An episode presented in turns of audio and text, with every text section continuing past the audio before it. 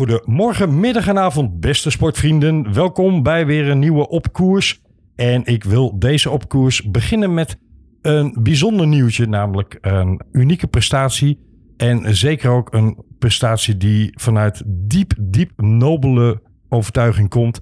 Geleverd door vriend van de show, ik mag wel zeggen ultra vriend van de show. Het kloppend hart achter Velovolie voorheen. Dankzij hem hebben we vele gasten in de show gehad. Van het weekend fietste Mirko Schrijvershof samen met een team genaamd het Team Tour de Boshuis. Onder andere Marien Wallink voor de Ronald McDonald kinderhuizen. Dat zijn die huizen waar gezinnen kunnen verblijven als hun kind in het ziekenhuis ligt. Fietsen zij 500 kilometer dwars door Nederland. Beginnend zo rond drie uur s middags, zodat je het merendeel in het donker met een lampje op je hoofd, de weg zoekend op je GPS, door Nederland uh, dient te crossen. En dat deden zij om zoveel mogelijk geld op te halen voor verblijf van die kinderen. Belangrijk, want je kind zal maar in het ziekenhuis liggen. En dan zul je maar elke dag op en neer moeten rijden, omdat je ja, hè, ver van het ziekenhuis af woont. Ze hebben een prachtig bedrag van 35.000 euro met twee teams opgehaald. Diep applaus, diep respect. Jongens, wij horen jullie avonturen graag een keer in de podcast. Dus uh, daar wilde ik even een shout-out mee beginnen. Chapeau. Chapeau Mirko, chapeau Marien, chapeau alle andere teamleden van Tour du Boshuis. Ik ga jullie, beste luisteraars, ook meteen eventjes voorstellen aan Ginio bij, nieuw lid van de Opkoers crew. En welkom in de podcast, Ginio. We zijn uh, blij met uh, jouw versterking van ons team. Ja, dankjewel. Ja. Jij bent uh, net als wij allemaal een enorme sportfanaat. Maar mag ik zeggen dat tennis een van jouw specialisaties is? Ja, nee, dat mag je zeker zeggen. Ik uh, durf uh, op het gebied van tennis durf ik iedereen aan qua kennis en qua meningen, analyse en qua leuke verhalen. Dus, Hoor je dat, dat John? Hij komt helemaal met durf ik iedereen aan. Het ja. gaat al meteen, het is meteen aan. Hè? Deze podcast, ja. Je weet wat je zegt. Hè? ik weet wat ik zeg en ik neem het volledige risico. Dat hoort bij sport, hè? Nou ja, Ginio is een beetje gek, want hij is Djokovic-fan. Dus dat verklaart een hoop. dat kan ik allemaal uitleggen, maar dat komt. Ja, we gaan het zeker, de beste luisteraars, in deze uitzending nog over Wimbledon hebben. Ik ga even met jullie de agenda doornemen. Welkom, Jorn. Dankjewel. Uh, jullie hoorden hem al. Wat gaan we doen deze uitzending? We gaan het moment van de week doen. En dat gaat over ja, eigenlijk alle nationale kampioenschappen wielrennen die we in de afgelopen week, weekend gezien hebben. We hebben het laatste nieuws uit het peloton. En dat is natuurlijk in het kader van de Tour. We hebben de Chaspatat en die eer is aan Ginio als nieuw lid. We zijn zeer benieuwd. We hebben natuurlijk wat voetbalgeruchten, voetbalgerelateerd nieuws. Gaat Timber nou naar Arsenal? We hebben het over wat overig sportnieuws. Nou ja, noem het maar overig. Femke Bol, hè, Jorn? EK Atletiek. Ja, geweldig. Geweldig. Gaan we straks over hebben. Zeker. En we sluiten deze aflevering af met een voorbeschouwing op Wimbledon. Want dat staat over een week ook te gaan gebeuren. Ja. Maar ook, daar heeft de muzikale afsluiting ook mee van doen, laat ik het zo zeggen. Welkom bij Op Koers. Naar... Op Koers.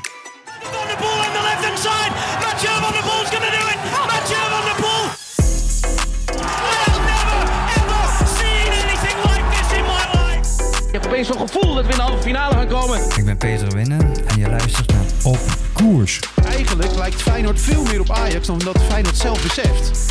Dit is Bergkamp. Dit is Bergkamp. Max Verstappen in de laatste bocht in Barcelona. Dit is Bergkamp. Dit is Bergkamp. Jaren zit je naar dingen te kijken en te over.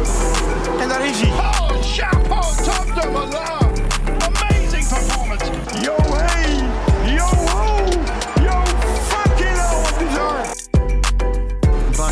ziet nu 1 kilometer vlak. Op Koers. Scream his name. I have been Tom Dumoulin. What a great ride that was. Jorn, Ginio. Ik moet nog even wennen hoor. Ik wilde zeggen Jorn, Wesley. Maar Wesley is op vakantie, beste luisteraars. Die zit in Kenia, dus die slaan we lekker even over. Jorn, Ginio. Um, ik wilde ook nog heel even kort jullie mening vragen over... Jullie hebben ongetwijfeld van het weekend gezien, gehoord eigenlijk de afgelopen week... wat Maarten van der Weijden allemaal uh, uitspookte. In de sloot, naast de sloot, op het fietspad naast de sloot. Hij deed namelijk de Elfstedentocht, maar niet één keer, niet twee keer, maar drie keer. Namelijk zwemmend, 200 kilometer, mind you. Fietsend, 200 kilometer. en lopend 200 kilometer. Was hij de eerste die dat ooit deed? Nee, zeker niet. En daar zullen we zo ook nog even toelichting op geven. Maar het is en blijft een bizarre prestatie. Ook hij deed dat voor een goed doel. Namelijk alle geld dat hij ophaalde ging naar, gaat naar kankeronderzoek. En ik geloof dat hij ruim 3 miljoen opgehaald heeft. Ja, 3,7 begreep ik zelfs. Waanzin, hè? Ja, 3,7 miljoen euro. Ja, Kun je het voorstellen? Ja. Ik, ik vind het een buitengewoon, buitengewoon knappe prestatie. Applaus, niets dan lof. Uh, maar heeft het nog met sport te maken als je denkt aan ultrasporters? Is dit niet ultra, ultra, ultra sport?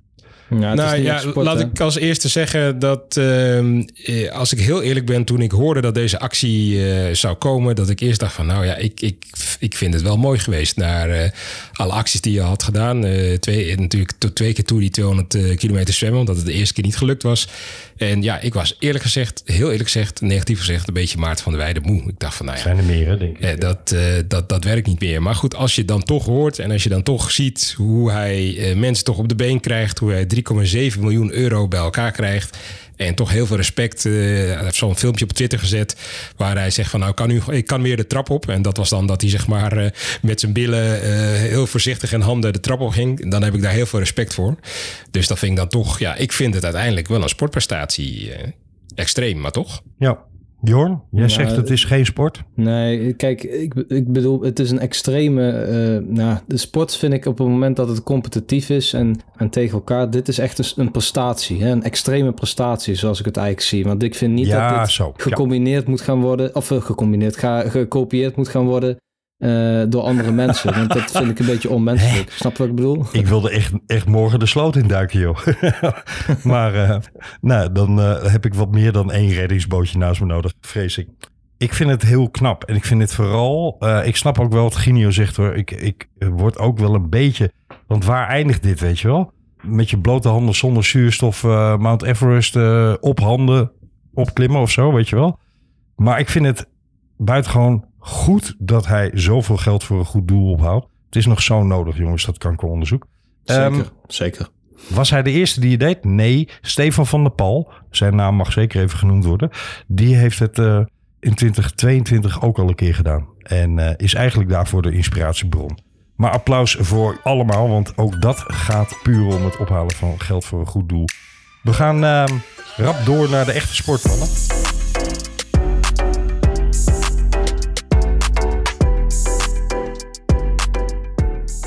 Jorn. Ja. We gaan, uh, we gaan Ginio eens even de lakmoesproef afnemen. afnemen. Want we gaan het over wielrennen hebben, Ginio. Ja, heel goed. Ja, dat is mijn zwakste onderdeel. Maar als ik dus hier ja. goed uitkom, nou, dan, dan, wordt het, dan wordt het heel erg mooi. Hè? Het moment van de week. Kijk, Heb jij toevallig iets van wielrennen gezien van het weekend? Of? Nee, heel weinig moet ik zeggen. Ik heb wel veel, uh, veel gelezen en veel gezien. Goed, ik weet niet waar jullie mee wilden beginnen. Maar ik vond het wel mooi dat Van der Poel niet won. Omdat hij uh, gegezeld werd door de Rabobank. Uh, dat vond ik toch wel een heel interessante ontwikkeling. Ik wil jou, Jorn, even twee dingen voorleggen. Het enthousiasme van José, mijn grote held wat betreft wielercommentatoren en analisten. José de Kouwer. Over Remco Evenepoel is zo ongeveer grenzeloos inmiddels. En dat betrof in dit geval ook het feit dat hij zei... er is geen parcours wat niet geschikt is voor hem. Ja, dat vind ik Vond je ervan? Nee, dat vind ik onzin. Ja, ik, ja dat uh, had ik ook. Ik, ik ben het daar totaal niet mee eens. Ik, ik las het inderdaad. Hij en Karel van Nieuwkerken die zeiden dat. Ja, José zei het dus. En Karel van Nieuwkerken die beaamde dat eigenlijk min of meer. En ja. uh, het klopt niet in mijn ogen. Want als wij de, de bergen ingaan boven de 2000 meter dan moet ik eerlijk zeggen dat ik Evenepoel nog nooit met de beste mee heb zien gaan. Dus ik vrees nog altijd dat dat hooggebergte voor hem letterlijk te hoog gegrepen is. En ik, ja, ik ben het dus niet met José eens, want die doet nu alsof het een soort, ja, soort Eddy Merckx is. En dat, uh, dat, dan denk ik toch meer aan een Pogacar bijvoorbeeld. Dus dat, uh, ja, dat is echt een renner die ieder parcours aan kan, bij wijze van spreken. Maar Evenepoel, mm, weet ik niet. Ik denk dat hij dat nu zei omdat het meer een in, in België heel erg geposteerd werd als een sprintersparcours. We hebben het dan over het Belgisch kampioenschap dat Evenepoel afgelopen mm-hmm. weekend won. En ja. uh, vandaar ook die uitspraak van José van ja, nu kan hij echt ieder parcours aan. Maar dat klopt dus niet helemaal. Of bedoelde hij het veel letterlijker dan wij het misschien opgevat hebben met z'n allen? Namelijk dat hij bedoelt elk Belgisch parcours voor het BK. Ja, dat, dat zou kunnen. Ja, maar, ja. Ja. maar goed, zo klonk het Ja, niet hoor. wij, wij trekken het meteen in Merxiaanse termen heel breed. Alsof we het hebben over hij kan elk parcours, dus elke klim en noem maar op aan. Maar misschien ging het wel over België. Maar ze Eh, zijn, toch, eh, ze zijn toch eigenlijk al jaren of zo niet eh, decennia op zoek naar de nieuwe Eddy Merckx. Zeker, ja. eh, Belgen. Dus eh, elke sprank eh, hoop die er is, grijpen ze aan, zou je denken. Zeker. Niet dat ze te klagen hebben gehad, want er zijn natuurlijk ontzettend mooie renners eh, geweest. Eh, alleen geen renner die het allemaal combineerde. Maar wij zijn ook al jaren op zoek naar de nieuwe Joop Zoetemelk. En in Frankrijk zijn ze ook al jaren op zoek naar de nieuwe Bernard Hinault. Wat dat betreft zal het moeten blijken de komende Tour wie gaat winnen. Maar ik vrees dat het geen Belg, geen Nederlander en geen Fransman gaat zijn. Eh, maar daar gaan we het straks nog wel even over hebben. Weet je welke ik misschien wel de mooiste vond om te zien, eh, Jorn?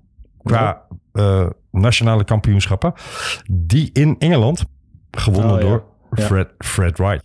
ja, Mooie, mooie koers. Hè? Demareerde op het laatst. reed weg uit een groepje. Hield het tot aan de meet. Zonk neer op de grond. à la Mathieu van der Poel, zou ik bijna zeggen. En realiseerde zich, terwijl hij, hè, reed met zijn vingers in de lucht over de streep. Verwijzend naar zijn oud teamgenoot Gino Meder. Die kort geleden overleden is, zoals iedereen weet. En toen hij helemaal op de grond zat, toen, ja, toen, toen daalde het besef in. Oh ja, deze is echt voor Gino. En toen had hij echt alleen nog maar tranen. Prachtig emotioneel moment. Ja, dat is eh, als mijn ploeggenoot is net overleden, zei hij. Dus het is ook wel, Ja, ja, dat, dat snap ik ook wel als je zo kort daarna eh, de mooiste zege uit je carrière pakt. Want dat is voor Fred White het geval. Hij mag nu met die mooie, nou ja, ik vind die trouwens die Britse trui nooit zo heel mooi. Maar goed, hij mag met die, met die nationale trui eh, dadelijk een jaar lang gaan rijden. Dan, dan snap ik wel dat hij aan zijn overleden ploeggenoot denkt. Hetzelfde gold trouwens voor Quinn Simmons hè, in, eh, in Amerika, Camille. Ja. Die won ook voor maar bij ik heb minder met Quinn Simmons, moet ik je eerlijk bekennen. Ja, maar even los van het feit dat hij, dat hij, dat Ja. hij in het verleden wel eens eh, met eh, Trump geassocieerd is geweest. Wat hij helemaal aan zichzelf te danken had. Heeft hij dus die Mhm. Stars and Stripes trui weten te pakken. De Amerikaanse kampioenstrui. En ook dat was toch wel mooi hoor, Camille. Want hij was degene die achter Gino Meder reed ten tijde van het ongeluk. Hè? En hij heeft die ambulance mensen naar hem toe moeten wijzen, in feite. Dus Ja. dat is ook wel Ja. dat staat ook wel op je netvlies als renner hoor. En hij zei zelf van, goh, dit redt misschien wel mijn carrière, deze zegen. Omdat ik het plezier daarin eigenlijk in het wielrennen weer terugvind. Hè? Dus dat je de mooie momenten eh, kunt afwegen tegenover die, die gruwelijke momenten, veel te gruwelijke momenten die hij heeft mee moeten maken in de Ronde van Zwitserland. Dus eh, Ja. ja. ook dat was wel een, eh een opvallendheid deze week. Absoluut. Ook opvallend, nou omvallend zou ik hem dan eigenlijk moeten noemen. Peter Sagan, die eh, las ik in een interview toch nog een beetje hoop heeft stiekempjes zo op de achtergrond van nou als alles mee zit. Dan kan ik eventueel in de tweede week van de Tour, als ik er nog een beetje goed voor sta, wel eens aan het groen gaan denken. Ja, maar heb jij, dacht- heb jij gezien wat hij deed bij die Pavel Bietner? Dat, was, dat, dat sloeg helemaal nergens op. Die raakte een soort van verstrengd met elkaar. In, eh, in, in, met de Ja. sturen raakten ze in elkaar in de massasprint. En ze vallen, ze vallen en die Pavel Bietner die schreeuwt het uit van de pijn. En Sagan die staat op en die, die, ja, die spuugt of die schreeuwt er nog een keer in zijn gezicht na. Terwijl die jongen die lag echt hulpeloos op de grond. Ik dacht echt van wat... Ja, dus doe dat nou niet, weet je wel. Dan zie je dan toch dat Sagan... Ja, dat er toch een steekje los zit hoor, Camille. Dat is, dat is echt niet goed. Froomie. Ja, Ja, dat maar wisten we al sowieso heel lang natuurlijk. Want dat, dat Tsjechisch en Slovaaks kampioenschap, dat doen ze eigenlijk alsof die, sta, alsof die staten nooit uit elkaar zijn gegaan. Wist je dat? Dus die, die rijden gezamenlijk een kampioenschap. En dan op het moment dat de eerste Tsjech die over de meet komt, eigenlijk zesde wordt of zo in de uitslag. Maar als dat de eerste Tsjech is, dan is die Tsjechisch kampioen. Maar dat leidt natuurlijk tot een hele rare situatie in zo'n massasprint. Dus dan vraag je ook een beetje om ongelukken. Maar goed, dat is, eh, daar hebben we het al vaak zat over gehad, over ongelukken in het wielrennen. Laten we zeggen dat het geen fijn begin is van zijn eventuele tour-ambities. eh, voor zover ik daar überhaupt nog in geloofde. Nee. Eh, maar voor hem zal het zeker geen prettig begin zijn op deze manier. Voor, Wie mij wel. even, voor mij even dan toch eh, Ja. als eh, wielren, laat ik zo zeggen, eh, achtervolger, om het eh, in de mooie termen te zeggen. Mooie ambitie geformuleerd. Ja, eh, Ja. Sagan, die, die, die zie ik toch altijd als een van, de, nou, ja, een van de grote jongens die veel won en op verschillende plekken wereldkampioen en noem het maar op. Ja. Ik heb even gemist Is dat hij, eh, heeft hij mindere vorm of heeft hij blessures gehad? Wat, wat is er? Uh, eh, een ja, de afgelopen drie jaar heeft hij geen deuk in een pakje boter gereden. Oké. En hij rijdt nu bij, eh, voor veel geld bij een Franse ploeg. En dit is zijn laatste seizoen. Hij gaat hierna mountainbiken. Dus eh, ja, Het is een aflopende zaak. Het is klaar. Nee, ja. Heel duidelijk. Ik denk het wel. Ehm, Ik denk het wel. Overigens, voor, voor de rest van het peloton gold ook het is klaar. Toen eh Tadej Pogacar besloot, nou weet je wat? Ik heb er wel zin in vandaag. Vijf minuten voorsprong. Ja, Dat is nog, dat is nog eens overtuigend eh, nationaal kampioen worden. Nou was wel, moeten we er eerlijk bij zeggen, beste luisteraars. Zijn grote tegenstander wat betreft het Sloveense wielrennen, die was er natuurlijk niet. Primoz Roglic. Ik weet eigenlijk niet waarom die er niet was. Weet jij dat, Jorn? nee, weet ik ook niet. Ik denk niet dat er specifiek een reden was waarom hij er niet was. Ik denk dat hij op dit moment een rustperiode inlast. En dat het eh, waarschijnlijk gewoon niet in zijn, eh, in zijn programma past. Ik, ik, schat, ik schat Nou- dat laatste. Want normaal gesproken wil hij altijd wel dit soort dingen rijden hoor. Dus ja, Ja, maar weet je wat ik denk? Eerlijk gezegd, nu, eh, heel speculatief dit, maar toch, zou het misschien ook wel voorbedachte raden opgezet zijn door Jumbo-Visma onder het motto, we gaan die Pogacar toch geen morale boost geven als hij hem eventueel wint, terwijl Primoz wel in koers is? Ja vind ik Hè, geen dat hij gekke gedachte. Ja, vind ik geen gekke Nee, gedachte. zou, Dat- zou zomaar kunnen, denk Ja. ik ineens. Klopt, klopt. Dat vind ik ook wel Want logisch volgens mij is- geweest. Volgens mij is Roglic ambitieus genoeg om inderdaad zijn koers wel te rijden, ook al heeft hij eigenlijk tot de Vuelta niet echt, eh, niet echt hele grote doelen op het agenda staan.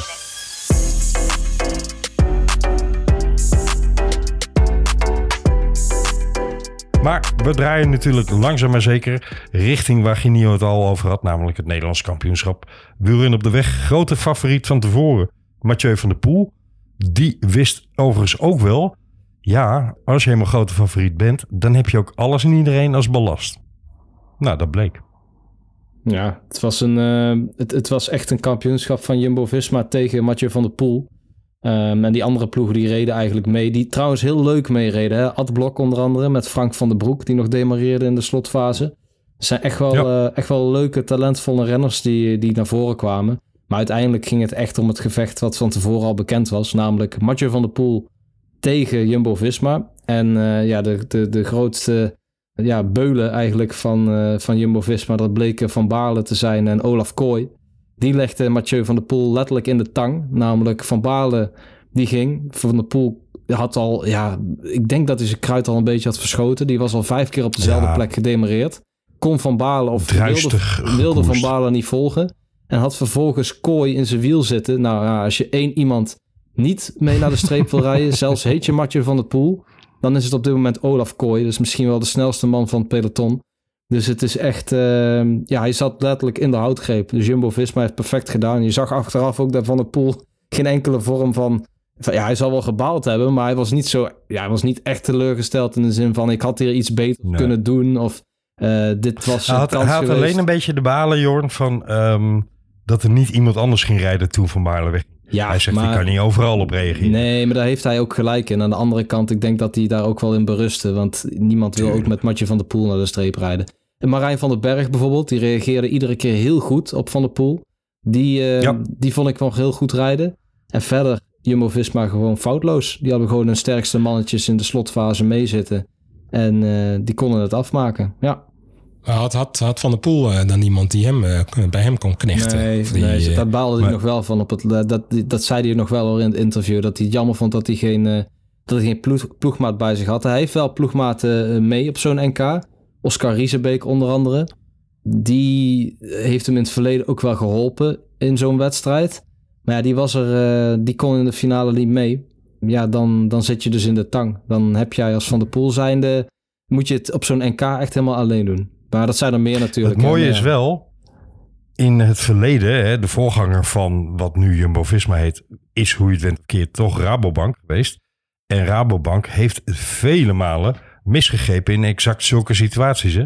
Dat ze numeriek overwicht in het peloton hadden.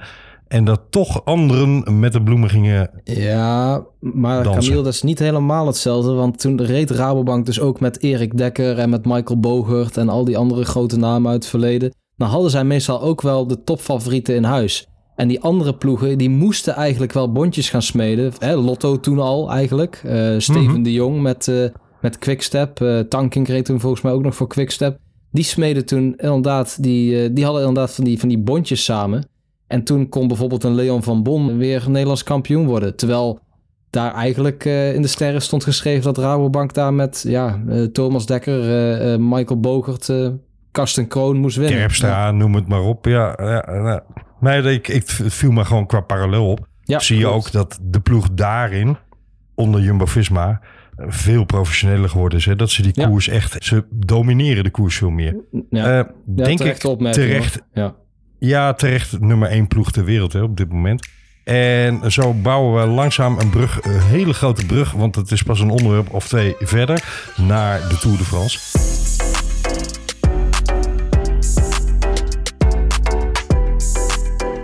We gaan eerst eens even toch wat ander nieuws ook bespreken. Eh, nee, ik moet nog één ding roepen. Demi Vollering, Ja. weergeloos kampioen geworden. Wauw, wat een seizoen eruit zei, joh. Ja, zij draait een superseizoen. Maar ik moet wel daarbij zeggen dat tijdens dit NK... ehm, het moment dat zij wegreed... Ik weet niet of jullie dat hebben gezien... maar dat was niet bepaald het moeilijkste stuk van het parcours. En Van Baarle, die zei van... Goh, op, de, op die moeilijke, steile stukken in het parcours...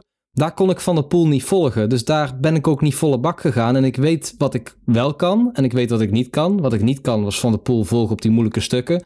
Wat ik wel kan, is op onverwachte momenten heel hard, misschien wel op koude voeten heel hard, wegrijden. Dat deed hij dus ook.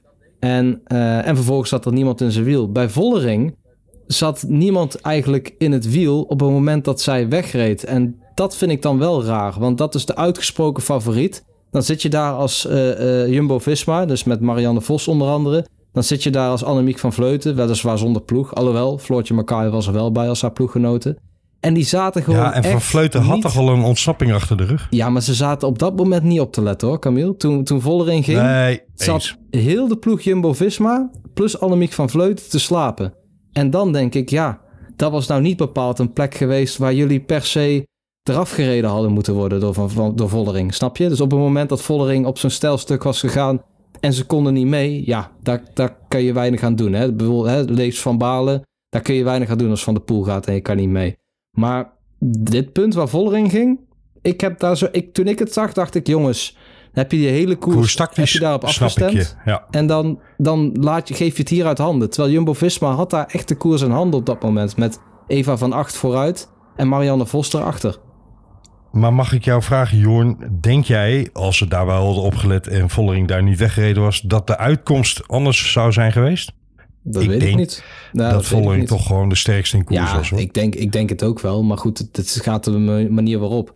Weet je, in, Ja, in, ja, in ja, ik België, je in punt. België wint Evenepoel. Nou, als Lotto, Lotto Destiny daar een hele andere tactiek, tactiek toepast... Dan, eh, dan, weet ik, dan wil ik het echt nog wel zien of Evenepoel daar wint, hoor. Want Jasper de Buis, die is bijvoorbeeld heel rap aan de meet. Ik snap nog steeds niet waarom ze die niet hebben uitgespeeld bij Lotto Destiny. Maar goed, dat gaan we terug naar het BK. En hebben we dat straks al besproken. Ik denk dat... eh, Toch, nog- toch eh, nog even een vraag over de vrouw. Ja. Want ik vind die Demi Vollering heel interessant. Die is eh, ontzettend goed bezig eh, op dit moment. En dan ga je toch denken, wat ik zo interessant vind bij het, ze- zeker het Nederlandse vrouwenwielrennen, is dat je steeds een hele grote naam hebt. Eh, natuurlijk beginnen met Leontien van Moorsel, Marianne Vos eh, kwam daarna. Mhm. Dan hadden we het Ja. eh, gouden duo Anna van der Breggen en Annemiek van Vleuten. Hoe schatten jullie Demi Vollering in, in dat rijtje? Past zij al in het rijtje? Of gaat zij in het rijtje passen? Hoe, zien jullie haar? Ja, zij gaat in het rijtje passen. Past ze er al in? Nou, je noemt nogal een rijtje op. Dus nee, ze staat nog in, in de schaduw. Maar zeg maar, ze is de berg aan het beklimmen. Maar ik denk wel dat ze die top in, eh, in zicht gaat krijgen, ja. Ja, ik is het ook iemand die, die Olympische kamp- kampioen gaat worden, goud gaat winnen? Echt, echt de, de, de Dat denk ik wel, ja. ja. Ze heeft stevige concurrentie van onder andere Lotte Kopecky. Eh, dus ja, er zijn meer hele goede coureurs in het vrouwenwielrennen tegenwoordig. Wielrennen bij vrouwen is echt stevig geëvolueerd. De laatste tien jaar. Ja, is ja, echt van een ander niveau geworden.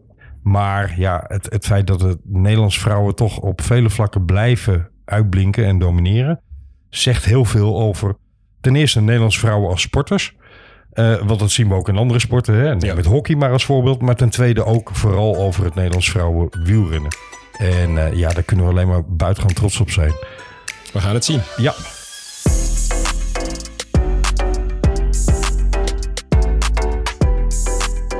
Ander wielrennieuws. Jorn, Mhm. Was jij verbaasd toen, zo langzaam maar zeker, hè, een week voor de Tour nu. eh, want wij nemen dit op maandag 26 juni op, beste mensen. Dus eh, we zitten vijf dagen zo'n beetje voor de Tourstart. Langzaam maar zeker druppelen zo die hele Tourselecties binnen. En toen die van Bora Hans Grohe binnenkwam bij jou, toen dacht jij waarschijnlijk, huh? Ja, ik, volgens mij was ik de enige die nog niet wist dat Bennett niet naar de Tour ging. jij, en, ja, jij en Wesley zitten daar bovenop met jullie Scorito-poeltjes. Maar ik had echt nog totaal geen idee dat, eh, dat eh, Sam Bennett niet meeging. Sam Bennett is voor mij echt een klasbak. Zo'n sprinter die er alles aan doet om aan te klampen in zo'n moeilijke etappe. Omdat hij weet, ik heb nog rappe benen, dus ik kan nog winnen vandaag. En, eh, en Bora neemt hem niet mee. Toen ging ik even in de uitslagen kijken. En dan klopt het inderdaad dat Sam Bennett niet heel succesvol nog is geweest voor die ploeg. In het verleden natuurlijk wel. Mhm. Maar het alternatief wat zij nu meenemen, dat is Jordi Meus, de Belgische talentvolle sprinter van, eh, van Bora. Ehm, Ja. die, die wint eigenlijk ook niet zoveel, Camille. En dan denk ik, Nee, ja, als jij maar is nou... wel het talent. Ja, maar als jij zo'n routinier hebt, als, het is wel Sam Bennett die je thuis laat, hè? Sam Bennett, Danny van Poppel, die toch als lead-out altijd eh, levert. Ja, Mhm. Ehm, ik zou dan toch gewoon voor Bennett kiezen in dat geval hoor. En niet voor Meus. Meus heeft met alle respect een palmares waar, ja, waar, waar Bennett echt eh, niet van opkijkt. Snap je wat ik bedoel? En andersom, Meus eh, die, die kijkt echt naar boven hoor. Als hij naar het palmares van, eh, van Sam Bennett kijkt. Tuurlijk, Dus op absoluut. basis daarvan Maar- moet hij eigenlijk wel Hoe mee. oud is Sam Bennett, eh, Jorn? Hoe oud hij is? Ja, hij is in de 30 al. Hij is in de 30. Ja, klopt. En laten we eerlijk zijn, heeft gewoon de afgelopen drie jaar niets. Ja, Hmm, een etappetje hier en daar. Ja, Maar is totaal niet op het niveau waar hij ooit op was. Is zeker geen groene trui-kandidaat. Hè? Om maar een... eh daar kunnen we zeggen welke, het welke echte rasprinter wel. Nee, maar dat klopt Maar allemaal. Maar het gaat om het alternatief. Snap je? Is Meus dan, is Meus dan zoveel beter? Ik, nee, dat is hij niet. Eh, sterker nog, ik denk dat jij gelijk hebt dat Sam Bennett...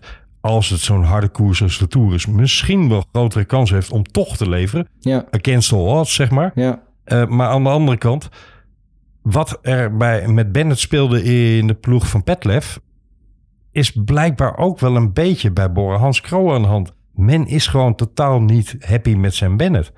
En wat daar het verhaal precies achter is, weet ik niet. Maar ja, dat hij gepasseerd wordt voor de Tour is buitengewoon pijnlijk. Ja, nou dat Status, ook. renner als hij, ja. Ik zeg, dat gaat rap richting einde carrière. Of in ieder geval eh, richting degradatie naar, nou ja, zeker kleinere ploegen dan waar hij nu nog voor gereden heeft in de afgelopen jaren. Of hij moet heel rap gaan leveren in de Vuelta of zoiets. Weet je wat ons Nederlanders in ieder geval allemaal eh, ja, veel meer aangaat natuurlijk. Voor het eerst sinds, volgens mij uit mijn hoofd 2010, zullen we niet dat, dat poldergevoel, dat, dat rammen met je hoofd door de wind heen, dat je bracket zowat verbrijzelen van lelijkheid, ehm, Hmm. maar wel effectief veel wattage door die trappers en die ketting heen jagen. Waar heb ik het over? Ik heb het over mollemalen, beste luisteraars. Want voor het eerst sinds 2010 is Bauke Mollema niet in de Tour. Nee, Geen mollemalen meer. Hm. Is dat een gemis? Of zeggen we, nou ja, weet je, we hadden het net over een oude man. Eh, re- met respect, hè, oud in, in wielrentermen. Maar Mollema is natuurlijk in, inmiddels routinier-veteraan. ja, die begint al tegen het einde. Ja, die, die zit al tegen, tegen de 40 aan bijna. Ja, even niet. Met alle respect 38, hè? inderdaad. Ho, ho. Ja, het is, het is nog... ehm, ja, Valverde die heeft bewezen dat kan. Ik denk dat Mollema ook nog wel een tijdje mee kan als renner. Is het als... Ja, jij zegt het eigenlijk net al goed, hè. Als Nederlander super jammer dat Mollema niet meegaat. Ik, ik kan er altijd van genieten. Ook al gaat hij mee in een etappe waarvan ik denk... Kansloos met, eh, met die namen die meespringen. Maar ja, het is en blijft Mollema. Dus je weet het maar nooit. Denk ik, als ik onafhankelijk ploegleider zou zijn geweest... van Trek Segafredo, eh, wat nu Lidl Trek gaat heten... Of ik Mhm. Mollema mee zou nemen. Ik zou hem denk ik ook thuis hebben gelaten, Camille. Wat jij? Ik denk het toch wel. Ik ook. Ja. Maar hij heeft ook zelf een heel plausibel verhaal opgehouden. Hè? Want Ja. eh, Giulio Ciccone zou eigenlijk de Giro hebben gereden... waar het niet dat hij corona kreeg, hè? Ja. En eh, geen Giro reed. En ja, dus beschikbaar kwam voor de Tour. Hadden ze natuurlijk ook anders kunnen kiezen. Maar enfin, dat is nou eenmaal zo. En als je het hebt over kans op een etappe-overwinning... en eventueel toch ook nog wel een aardig klassement... dan is die kans gewoon veel groter met Chicone Ja, dan met Chicone- Mollema. Laten we eerlijk zijn. Chicone gaat wel leveren hoor. Die, die was hartstikke Daarom. in orde in de Dauphiné. En uh, Skelmoze, een van de revelaties dit Dat- seizoen. Dus Trek Ja. heeft gewoon een hele mooie ploeg met hele mooie... Ja, met gewoon renners die op dit moment beter zijn. Zo simpel is het. Ja, ja, dat is gewoon. eh, en hij onderkende dat ook. Hij heeft natuurlijk ook geen fantastisch voorjaar of iets gereden. Hij heeft, hij heeft niets gedaan wat hem zo in de kijker speelde. Dat de ploeg moest zeggen: Nou ja, kunnen we niet omheen. Ja. Maar het is een gemis, jammer. Maar dan wil ik toch nog even, want we hebben nu eh, uitgebreid besproken waarom Mollema eh, verdient dan niet in de Tour komt. Laten we toch even heel kort de herinnering eh, ophalen. Voor mij, nou, ik, ik wil naar 2017, dan dat is een eh, etappe, Oh, dat hij op een heel heel raar moment de strijd aanging. En iedereen dacht, nou Mollema, dat is wel een heel raar moment. En hij zei zelf van, ja, ik vond het ook heel raar, maar ik bleef maar fietsen. En ik keek achterom en ze waren nog steeds ver weg. Dus ik bleef maar fietsen. En niemand verwachtte dat hij het zou halen. En hij haalde het. En, eh, ongelooflijk onverwacht. Ja, haalde hij dat binnen. Ja, dat vind ik toch wel een van de, de mooiere overwinningen, vind ik zelf. eh van Toch weer Boudewijn de Groot in mijn hoofd door jou, hè? De eenzame fietser. Want dat, dat beeld kreeg ik bij, eh, of dat nummer had ik in mijn hoofd toen ik die beelden van toen eh, zag. Door overigens zo'n prachtig klassiek Frans landschap, hè, waar die reed. Ja, zeker. Ja, Heuvelachtig, granen, in alle opzichten mooi. zonnebloemen, alles kwam voorbij. En Bouke volop aan het mollen malen, inderdaad. Volop die eh, toch wat aparte swing. Ja, dat is schitterend. Ja, prachtige prestatie. Nee hoor, eh, niets dan respect voor Mollema. Ik bedoel, het is een buitengewoon Zeker. sympathieke Ja. renner. Hij heeft prachtige dingen gedaan. Mooie klassementen gereden.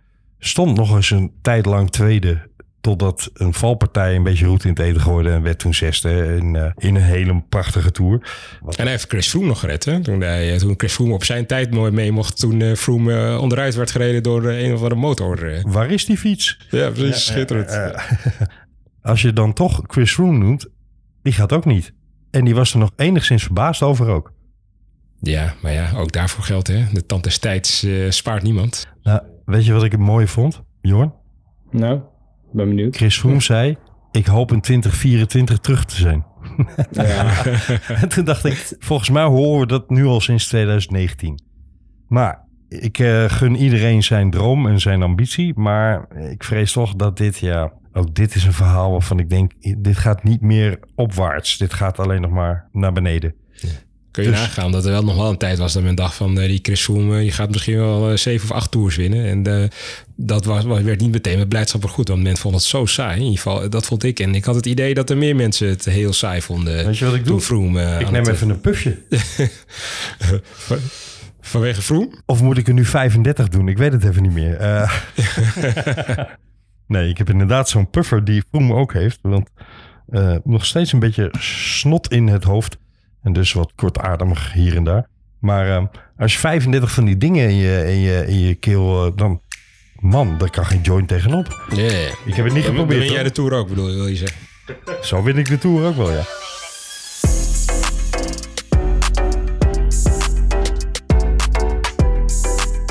Ander opvallend nieuws. Jorn? Eh, ja, Fabio Jacobsen die zou eh, naar DSM gaan. Eh, hij benadrukt zelf wel dat dat een gerucht is. Hij bevestigt Look dat at niet. all these rumors. Maar ja, dat, dat is natuurlijk omdat die renners niks mogen bevestigen voor 1 augustus 2023 dat zij naar een andere ploeg gaan. Eh, dat is gewoon officiële regelgeving. Maar toen werd tegelijkertijd aan hem gevraagd van ja, maar Fabio, is het niet zo waar rook is, is vuur? En toen zei hij ja, natuurlijk, eh, ik ben einde contract. Ja, toen wist je eigenlijk al wel genoeg.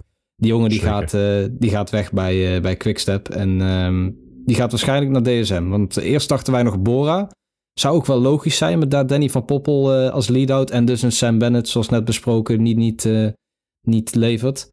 Maar ehm, ja, hij gaat waarschijnlijk naar DSM, die teruggaan naar, eh, naar de roots, hè, waar het vandaan kwam bij DSM. Met de successen met Kittel en Degenkolb. En Ja. met eigenlijk de skillploeg nog hè, vroeger. Kenny van Hummel in, in een iets verder verleden. Dus dat, ehm, dat is hartstikke leuk, vind ik, als eh, Jacobsen naar DSM zou gaan. Het zou echt veel kleur geven aan die ploeg in ieder geval. En hou eh Welshford, hè, de sprinter in de Tour voor DSM, hou die gewoon in de gaten hoor. Niet te onderschatten. Ik denk, eh, die, die rijdt zomaar een stuk of zes, zeven, nou zeker top teams. Maar Ja, en zou ook wel eens een uitschieter tussen kunnen zitten. Ja, en hij heeft Degenkolb hè, als, eh, als locomotief. Dus ik, eh, ik en, en Eekhoff onder andere ook. Die gaat zich daar ook mee bemoeien. Ik, dat- dat- ik denk dat zij Ja. al wel een beetje eh, ze zullen zichzelf echt wel gaan laten zien in die massasprints op DSM. Dus Welsford, hè, daar hebben we weer jullie Scorito-poeltjes. Ik zou hem nemen. Heb jij in je poeltje, Camille, of niet? Nee, pas niet. Geen geld voor. Ja. Hou op. Nu, stop. Wat was dat nou? Dan ga jij hem nu... Ga je nu weer paniek zitten zaaien, Jorn? Nee, dat doe ik niet aan. Ik, eh, ik, Nee, je moet hem gewoon in je, in, je, in je ploeg opnemen. Meer zeg ik niet. Eigenlijk moet ik gewoon mijn telefoon vanaf nu in een kluis leggen. En hem pas eh, zaterdagmiddag weer uit mogen halen. Ik weet dat het niet gaat gebeuren. Ik weet dat ik zaterdagochtend waarschijnlijk toch in blinde paniek nog vier man eruit gooi. En dan eh, op zondag al denk ik, goh, er zijn er alweer twee gevallen en uit koers. Waarom heb ik dat toch gedaan? Zo gaat het elk jaar weer. Maar ik heb eigenlijk mijn ploeg al een week vaststaan, joh. Over mislukte dingen, en, maar die wel in gedachten blijven hangen enzovoorts. Je weet, Ginio, dat wij eh, een aantal rubrieken hebben in deze podcast. Beste luisteraars, jullie kennen ze. Ja. Eén daarvan hebben we al gehad. Het moment van de week. Hè, dat is eh, de positieve aandacht voor een onderwerp. Vorige week hadden we natuurlijk met alle respect voor Gino Meder. Dat als moment van de week. Maar de chas patat daarentegen is de tegenhanger. En dat is eigenlijk ja, zo'n moment waarvan je denkt... Jongen, jongen, jongen, jongen, jongen. En heb jij zo'n moment? Ja, de chaspatat. Een moment dat is blijven hangen, maar niet is geslaagd. Chaspatat. Chaspatat. Nou, ik moet wel eens nodig sassen. Dat kan wel kunnen, ja. Ja, ik heb er zeker. Want eh, de Saoedische voetbalcompetitie, eh, die eh, is normaal gesproken niet zo in het nieuws. Maar sinds Cristiano Ronaldo eh, daar voetbalt, eh, hoor je er steeds meer van. Wie? Eh, Cristiano Ronaldo, ja, volgens velen de beste voetballer aller tijden. Hoewel sommigen een zekere Lionel Andres Messi eh, de voorkeur geven. Nou, wat is nou met die Saoedische voetbalcompetitie aan de hand? Eh, nou, die heeft dus Ronaldo gehaald, maar daar bleef het niet bij. Money, money, money. Heel veel geld, heel veel geld. En eh, Karim Benzema is er ook voor gezwicht. Alhoewel Benzema zelf zei van nou, dat is het niet alleen. Ik ben moslim en ik heb hier altijd al willen wonen. Nou, ik wist niet dat Saoedi-Arabië een beloofd land was. eh, zelfs niet voor moslims. Maar goed, dat Hij is blijkt, eh, Algerijn, hè? dat blijkt zo te andere zijn. moslims. Maar dat terzijde, ja. Zou je denken, maar goed, ik ga me daar niet in mengen. Nee. Hij heeft gezegd, ik wil daar altijd wonen. Het gaat niet om het geld, hij wil daar gewoon altijd wonen. Dat zal best. Zou ik ook zeggen met de 200 miljoen per jaar. Maar goed, maakt niet uit. Maar wat is nou blijven hangen en is toch niet eh, eh, gelukt, eh, is dat Saudi-Arabië denkt, van, ik ga daar een soort supercompetitie van maken. Dus ik wil ook graag Luka Modric, gouden balwinnaar nog een aantal jaar geleden. En ik wil natuurlijk ook Lionel Andres Messi hier na- naartoe krijgen. En dan vind ik het mooie dat ondanks het vele trekken, ondanks de vele beloftes, dat Luka Modric heeft gezegd, Si, señor, gracias. Maar ik blijf eh, lekker bij Real Madrid. No sé. Lionel eh, Messi zegt ook van, nou ja, eh, Inter Miami is het voor mij. Ja, wacht even. Dat moet je niet nobeler maken dan het is, hè? Want dan krijg je alleen maar meer geld. Nee, dat is niet waar. dat is niet waar. Maar goed, maar la, laat, 500 miljoen. laat, laat, nou, Via Apple en eh, Adidas en eh, noem maar op. Dus eh, Hij zal dat niet voor een, voor een boterham met pindakaas doen. voor, daar ga ik voor echt... een Apple en Een een appel en een ei. ei. Ja. Daar, daar, daar ga ik vast van uit. Maar ik ga ervan uit dat de Saoedi's dat bedrag tenminste konden matchen. En het gaat mij erom dat, en dat geldt zeker van Modric, die gaat bij Madrid echt niet meer verdienen dan in Arabië. En ook Sergio Busquets, eh, de middenvelder, eh, die doet dat niet. Dus ik vind het wel mooi om te zien. Eh, Busquets gaat ook naar Inter Miami. die gaat ook naar Inter Miami, maar die gaat dus niet naar Saudi-Arabië. En eh, dus uiteindelijk vind ik het eh, verhaal: geld is niet alles. Dat geldt zelfs nog steeds in de sport. Prachtig. Ik moet meteen even één correctie maken, want ik zei hij is Algerijn. Nee, natuurlijk is hij geen Algerijn. Hij is Fransman. Maar van Algerijnse origine. Althans, zijn ouders waarschijnlijk. Ik, eh, hij is in eh, Marseille geboren, volgens mij. Dus, eh, Ik kijk nu heel zeker aan alsof ik nu de jij van weet, eh, ja, Karim Benzema gaan liggen. eh, maar ja, ik weet alleen dat hij heel goed kan voetballen. En, eh, Maar, maar hij is ehm, Algerijns, dat klopt. Ja, nee, van Algerijnse origine. Zo moet je Ja. het dan zeggen. Hij is Fransman. Wat ik wel eh, grappig vind, we hebben dit een jaar of, nou wat zal het nu zijn? 7, 8 geleden ook in China gehad, weet je nog? Ja, met eh, Guangzhou en Evergrande. Ja, ja. Ook heel veel geld tegenaan. En eh, ja, dat, dat is. Nou, horen we nog wel eens iets van de Chinese competitie? Nee, dat is een plumbinding in elkaar gezakt. Maar dat had natuurlijk ook te maken wel, denk ik, met de wijze van financieren via Zeker. vastgoed eh, dat op een gegeven moment eh, ook allemaal naar beneden ging. Ja. Eh, ik heb wel het idee dat de, het geld van de Saoedi's, dat daar toch een stuk... eh, Dat devalueert wat minder. Ja, eens. Ja, klopt. Maar Ja, ik, ben, ik, ik snap jouw strekking. Ik ben het eigenlijk komen mee eens. Ik ben een, een mooi, mooi inhaakmomentje. Want ik zat afgelopen weekend in... ehm, was dat afgelopen weekend? Nee, beste luisteraars, was al het weekend ervoor. In de Kuip bij de finale van de Nations League... tussen Kroatië en Spanje. En eh, ja, zag eh, de geachte heer Modric daar voetballen op een manier. Het was niet zijn allerbeste wedstrijd. Zeker niet in zijn carrière en ook niet van het toernooi. Maar toch, als je zag hoe hij en overigens dat hele middenveld van Kroatië, hoe die speelde, joh. Och man, man, man, man. Ja, dat, Dat is wel zo'n genot om naar te kijken. Nee, dat schittert me ook in die halve finale. Hè, dat eh, Modric eh, zijn eh, toch eh, behoorlijke jongere conculega Frenkie de Jong overvleugelde. En waar je denkt dat Frenkie de Jong steeds meer moet brengen, ehm, ja, valt het soms toch nog wat tegen. En Modric op je leeftijd levert De gewoon. rust van die man. Je levert bijna altijd. Dus het is on- onwaarschijnlijk. Ja. Ja. Ja. En hij, gaf een paar van die no-look of one-look passes. Draaide zich op een gegeven moment open vlak voor de 16. Met twee man voor zich. Draaide zich open en gaf in één beweging door een paas naar links. Ja, echt prachtig om, eh, om dat een keer live... eh, Het was voor het eerst dat ik hem live heb zien voetballen. En eh, ik heb ervan genoten. We zaten wel tussen 40.000 Kroaten. Wat eh, uitdaging aan zich was. En nee, het was kei gezellig mensen. We kwamen eh, wat laat het stadion binnen door een beetje gerommel met kaarten. Maar toen we er eenmaal waren en naar, eh, via veel geklim en geklauter... want Kroaten zitten niet in een stadion. Die staan. Die staan gewoon 90 minuten lang. hey, ken je dat liedje, Jorn? Nee, ken je niet, hè? Ginio liedje heb wel. het over? 90 minuten lang.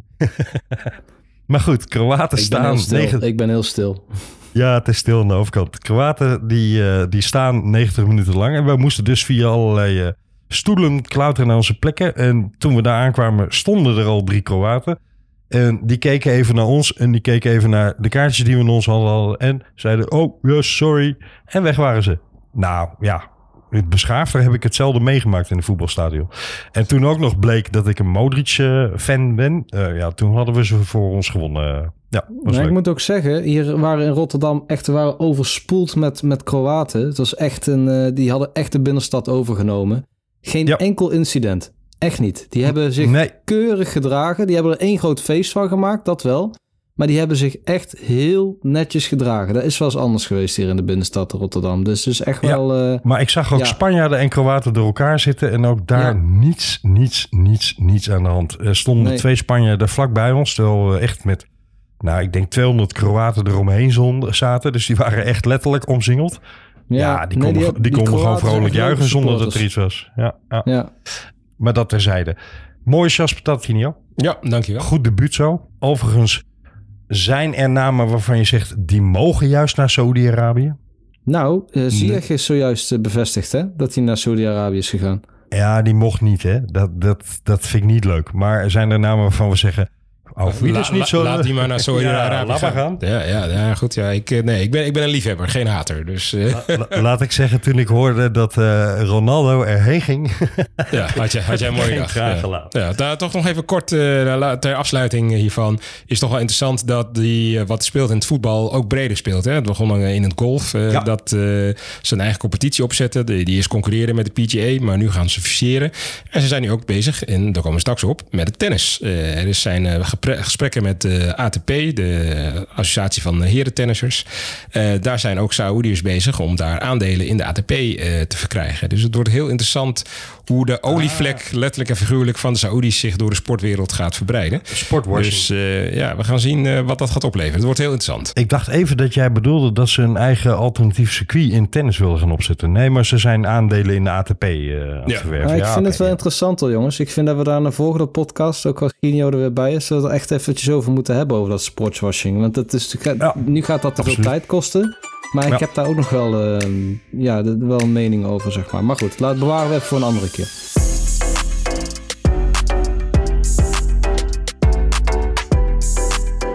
Hey, weet je waarom het maar goed is dat Wesley er niet bij is deze uitzending, deze aflevering? Als hij hoort dat Timber naar Arsenal gaat, na een seizoen zoals Ajax dat gehad heeft, en laten we eerlijk zijn, zoals Timber dat ook gehad heeft, En als je dan vervolgens hoort voor welke bedragen hij waarschijnlijk Ja. naar Arsenal gaat. Me de woorden uit de mond. Ja, Dan, hadden, dan hadden we hier alleen maar een chagrijnige Wesley gehad. Hè? Ja. ja die had zo gereageerd van ja, dat is voor, toch niet normaal. Geldt voor jou als PSV'er natuurlijk ook, Jorn. Maar eh, Nou, ik, ben, ik sluit me daar helemaal bij aan bij die mening. Maar ik, eh, ja. jij bent een soort Jans en Jans in kan dit er dan iets emotioneler op reageren dan, dan, dan ik doorgaans eh, met dat soort, eh, met, met inderdaad als ajax voor grote bedragen naar het buitenland gaan. Maar dat komt met name natuurlijk omdat Feyenoord nu een heel goed seizoen heeft gedraaid en Kukcu voor minder geld, hun, en hun sterspeler, voor minder geld naar Benfica gaat dan nu waarschijnlijk Timber naar Arsenal gaat. En eh, Edson Alvarez eh, waarschijnlijk voor nog meer geld dadelijk naar eh Dortmund gaat. Dus ja, eh, ik, begrijp hem, eh, ik begrijp hem volledig. Ja, maar dat is, dat is toch te makkelijk, denk ik. Want eh, kijk, volgens mij de bedragen die rondgaan is zo'n kleine 50 miljoen voor Timber. En dan inderdaad, eh Kukcu is voor 25 miljoen gegaan. Maar wat ik wel denk, wat bij Timber speelt en ook bij Alvarez, die hebben natuurlijk wel jaren Champions League ervaring. Eh, volgens mij heeft Kukcu nul Champions League wedstrijden gespeeld. En die Champions League die telt wel in het buitenland. En dat, dat is denk ik wel iets. Naast eh, dat eh, Kukcu één keer kampioen is geworden en, en Timber eh, tenminste twee keer, eh, Alvarez een keertje of drie. Dus ik denk dat... ehm, ja, het prijskaartje gaat gewoon omhoog als je Champions League ervaring hebt. Dat, is het, hè? Dat, dat speelt. En, Want het is niet per se dat je Europa League ervaring minder telt. Ja, de tegenstanders zijn minder zwaar, dat is zo. Maar eh, het is ook Europese ervaring. Het is Europese ervaring. Maar Champions League eh, is Champions League. Dat is eh, echt de heilige graal. Dus ik denk dat dat een belangrijke rol speelt. En natuurlijk speelt ook het Ajax-tempo wel een rol. Ik bedoel, laten we niet, niet zeggen dat dat geen rol speelt. Ajax-spelers zijn gewoon wat duurder. Ajax is een, een, een merk dat nou ja, toch veel associaties oproept. Maar ik denk dat het ook wel echt wat objectiever te is. Dan je zou denken van, hé, hey, dat klopt niet. Het heeft natuurlijk puur alleen met, met de naam Ajax te maken. Het, het heeft ook met ervaring te maken, denk ik. Nou is het overigens wel zo. Tegenwoordig kun je bijna alle transferbedragen online vinden. hè? Althans, wat er dan zeg maar ingeschat wordt, wat de transferwaarde van een speler is. Ja, precies. Heet dat transfer.nl, geloof ik. Hè? Ja, maar, transfer, Transfernieuws. transfermarkt.nl. Ja, transfermarkt kun je de, transfermarkt.nl, ma- de ja. huidige Ja, dat marktwaarde ja. vinden. En maar daar staat bijvoorbeeld Tijani dat- Reinders hè, van AZ, staat daarop. En AZ wil hem voor 18 miljoen kwijt. Terwijl hij volgens die site maar 8 miljoen waard is. Ja, maar je moet het altijd een beetje... Kijk, dat is de marktwaarde. Hè? Kijk, je moet ook kijken naar de contracten en zo... en wat de situatie is, de vorm is, noem maar op. Dat nemen ze Ehm, toch mee in die marktwaarde? Vorm ik vind het wat dat betreft altijd wel... eh, Nee, wacht, wacht, wacht. Vorm nemen Ja? ze redelijk mee. Maar de marktwaarde is gewoon een waarde op basis van de kwaliteiten van de speler. Dus dan moet je niet zozeer zien dat op het moment dat niet iemand... de duur van een contract. Nee, nee, nee. Die wordt Nee. niet Ah, meegenomen. De leeftijd Nee, dus wel, hè. Maar dat is natuurlijk logisch. Hè? Als iemand ouder wordt, dat hij minder waard wordt. Maar de co- contractduur niet, hoor. Nee, zeker niet. Zeg jij nou iets over mij, eh Jorn? Ik eh, ga nu mijn mond houden. Nou, dan zou ik Nee, nog even maar- invullen. Wat eh, heel interessant was dat eh eh, Tahirovic, eh, nieuwe speler voor Ajax vanaf eh AS Roma kwam. Oh, en dat de Telegraaf, ja. Ja. precies, de Telegraaf eh, zich onsterfelijk belachelijk maakte door eh, kritisch te zijn en zeggen, ja, maar Tahirovic eh, is voor zoveel miljoen gehaald. Maar op transfermarkt.nl stond hij voor veel lager. Dus ja, daar werd toch hard om gelachen. En het is niet om transfermarkt te- dissen. Dat is een hele serieuze site die ook eh Nee, gewoon om de. Telegraaf te dissen. Maar het is niet, ja, het is niet wat Jorn zegt. Het is niet zo dat je dat één op één kan overnemen. Want je weet niet wat de situatie is. Je weet ook niet wat de club heel graag willen. En bovendien, dat- Roma zit er geldnood, hè? dat is algemeen. Bijvoorbeeld, dat, dat, dat soort elementen worden niet meegenomen. dus bijvoorbeeld ook zo'n Anthony die 100, eh, voor 100 miljoen naar Manchester United is gegaan. Nou, de meeste Ja. mensen vinden dat wel te veel. Maar dat heeft natuurlijk ook gewoon te maken dat Ten Hag, die kende hem. Dus die wilde hem er heel graag bij hebben. Ja, en dan, dan is dat een specifieke situatie die je niet in een transfermarkt paniek kunt Paniek aankopen. Ja. Maar goed, we dwalen af. We, ja, we gaan, eh, we gaan eh, afwachten. Wat, ik wil nog even vragen, Jorn. Timber bij Arsenal. Ik vind dat een, voor, vanuit Arsenals optiek een logische keus. Ja, Hij past ook. in het systeem van Arsenal. Ja, zeker. Zeker. Ik vind het ook wel een mooie stap eh, voor Timber naar de Premier League en andersom ook. Ik denk dat, eh, dat Arsenal, ehm, nou ja, hebben een goed seizoen gedraaid. Hè. Dus lange tijd deden ze nog mee voor het kampioenschap. Eh, Nou, ik heb ze lange tijd twee domineerden ze. ja, ik heb ze ook twee keer tegen PSV zien voetballen natuurlijk. Ik vind dat wel gewoon Mhm. een hele goede ploeg. Met name voorin hè, met, met Saka. Echt een hele goede aanvaller. Dus er zit veel jonge, veel, ja, veel jonge, goede spelers in die ploeg. Dus ik denk dat Timber daar eh, zich ook goed kan ontwikkelen. Dus eh, ik, eh, ik zou toejuichen. Ja hoor, voor het Nederlands voetbal. Ik- Ik vind het wel interessant dat uh, Timmer zat laatst bij, uh, geloof ik, Ziggo Sport tegenover Van Basten. En Van Basten die hield zo'n schitterende vaderlijke preek. Blijf nou uh, in Nederland, ontwikkel je hier. Ontwikkel je hier. En als je, als je de kleedkamer binnenkomt, hè, dan, moet je, dan moeten ze echt het gevoel hebben, komt hij wat extra's brengen. En als ze dat niet hebben, dan zien ze je als een indringer. Dan gaan ze je buitensluiten. Dan zo'n heel verhaal. Ja. En je zag hem een beetje knikken. En ik had wel die idee dat hij van, nou, dat neem ik in me op. Maar ik denk dat toen Arsenal kwam, dat hij dacht, Van Basten, je kan maar wat. ik ga erheen. Want het is natuurlijk wel een schitterende, een schitterende, schitterende kans, ja. Tuurlijk. Het is uh, als je top drie in Engeland kan gaan voetballen, ja, dan, dan los van het geld, maar dan, dan moet je het wel heel, heel erg nog niet willen. Of overtuigd zijn dat je er nog niet aan toe bent. En hij zat natuurlijk vorig jaar ook al te twijfelen. Wat ik ook aan jou uh, wilde vragen, maar ook aan jou, Ginio en Jorn.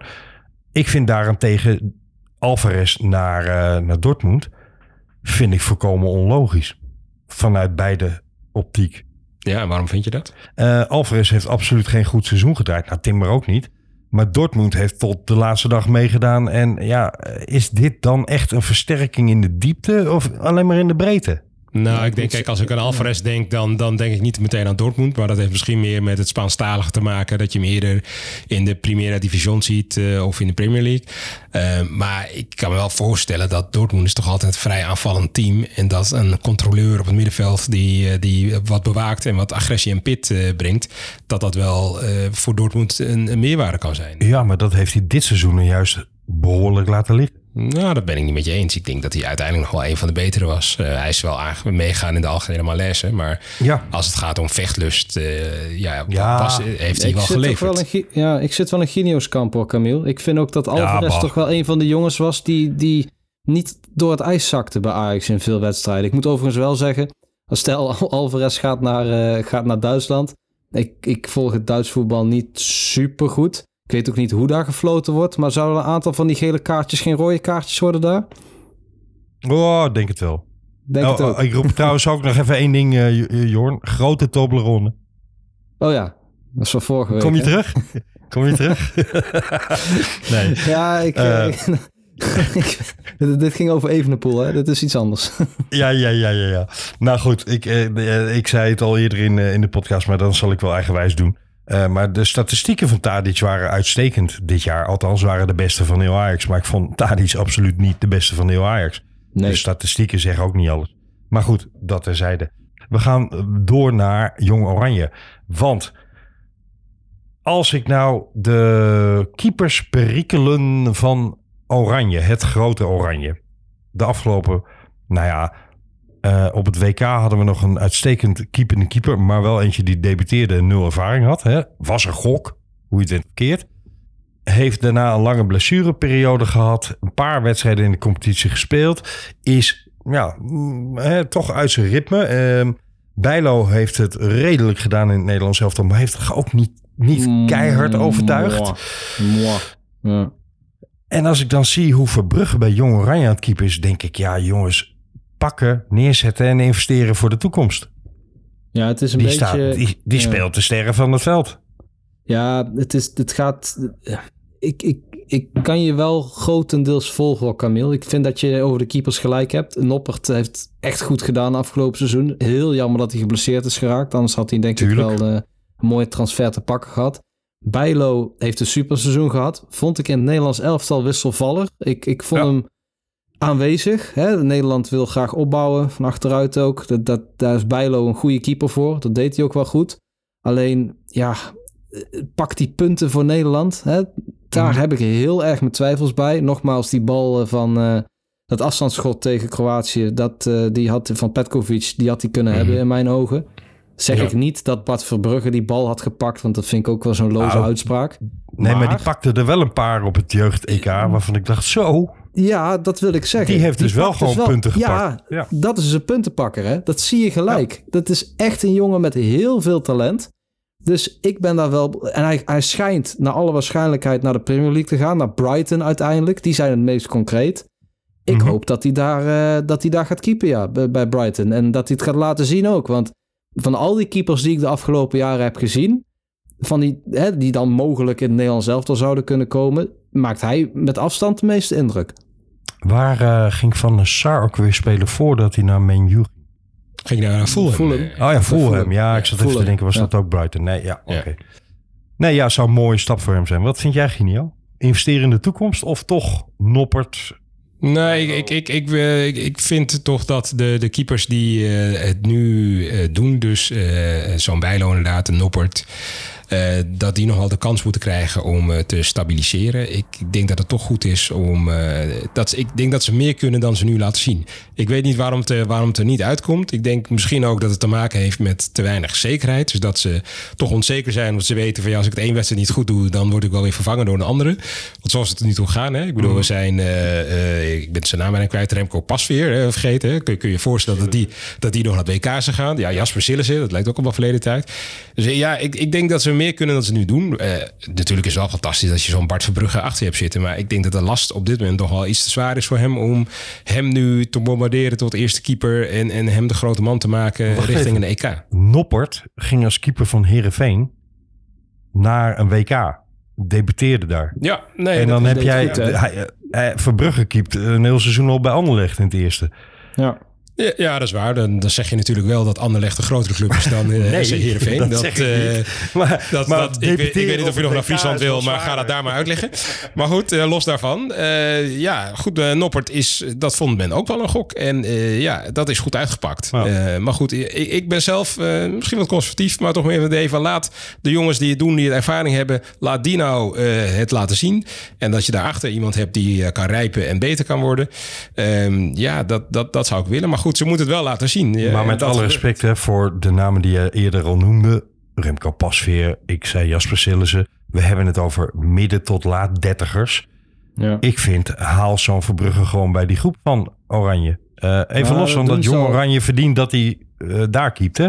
Want Ja, eh, dat doen ze al een beetje, Camille. Die keepers van Jong Oranje, die mogen, die, die, die keepten ook mee met het, het echte Oranje in de voorbereiding op de Nations League. En zij dus in voorbereiding op het EK. Dus hij, heeft het, hij is wel echt bij de groep gehaald. Ehm. Zei het niet dat, eh, dat hij uiteindelijk dus ja, op het EK keept. Misschien ook wel beter uiteindelijk. Dat hij dus nu op het EK keept en niet in de Nations League. Want zo kan hij zichzelf natuurlijk ook laten zien.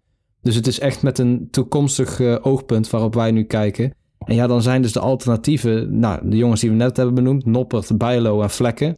Nou, Vlekken die gaat ook naar de Premier League, dus ook die jongen moeten we niet uitsluiten. Dus ja, eh, maar ik, ik, wat ik nu heb gezien, Verbrugge maakt op mij de meeste indruk. Hebben we nog andere spelers van Jong Oranje die, eh, die het aardig doen? Hè? Eh, Ja. Maar ik, ik vond ze aardig spelen. Hebben we nog meer mensen op het oog waarvan we zeggen... ja, doen het goed. En eh, die moet Koeman gewoon echt in de gaten houden. Mm, ja, Mickey van der Ven, hè, achterin. Dat is wel Ja. een goeie. Maar ja, daar is de, daar is de stroming gewoon ontzettend breed. dus met, eh, met De Licht en Botman onder andere. Hè. Dus ook echt jonge, jonge jongens natuurlijk. Dus dat, dat zal lastig zijn voor Van der Ven om zich daartussen te spelen. En Gravenberg, die vond ik ook wel goed spelen. Is natuurlijk een heel seizoen uit beeld geweest bij Bayern München. Heeft het daar eh, ontzettend lastig. Komt weinig aan spelen toe. Maar komt bij Jong Oranje wel een beetje bovendrijven. En dat vind ik toch wel, ja, dat, dat doet mij wel deugd. Want Gravenberg vond ik het grootste talent van de Eredivisie. Samen toen nog met ene Mo Iataren, de hij die niet genoemd mag worden. Maar eh, Gravenberg is wel op de weg terug hoor. Dat, eh, dat ziet er goed uit. Dus ik hoop dat hij in, eh, in ieder geval verhuurd gaat worden voor komend seizoen. Dat hij niet weer in het seizoen bij Bayern op de bank gaat zitten. Want dat, dat zou heel erg jammer zijn als je ziet hoe goed die jongen, hoe goed die jongen kan voetballen. Nou, dan gaan we het ook niet over Unovar hebben die verhuurd gaat worden. Nog. Als je het over grote talenten hebt. En we gaan het dan ook niet hebben over Arda Gulen. Waar de geruchten maar van blijven gaan. Hè. Gaat hij nou naar Ajax? Gaat hij nou naar Barça? Gaat hij nou, nou, waar gaat hij heen? Of blijft hij gewoon in Turkije voetballen? Niemand die het weet. Wat wel duidelijk is, is dat, dat jonge Oranje op een tweesprong staat. Ja, ze moeten winnen van Georgië. Want anders liggen ze eruit. Ja. Maar als ze winnen, dan zie ik ze best finale waardig hoor. Hoewel, dan moet Bobby wel iets, iets, iets slagvaardiger worden. Hup, Holland, Ja. hup. Je ziet het al voor je. Echt een Nederlander. Als ze uitgeschakeld worden, dan is het allemaal, is het allemaal ruk. Is het allemaal niks. Maar mochten ze winnen, dan eh, is het weer eh, José. En eh, waar, is, wij hè. waar is die En grachtentocht? anders is het Ja. zij. Nee, zo ben ik niet. Ja. Nou, we gaan het zien. We gaan het zien. Ik eh, stoom door jongens, want we hebben nog veel meer sportnieuws te bespreken.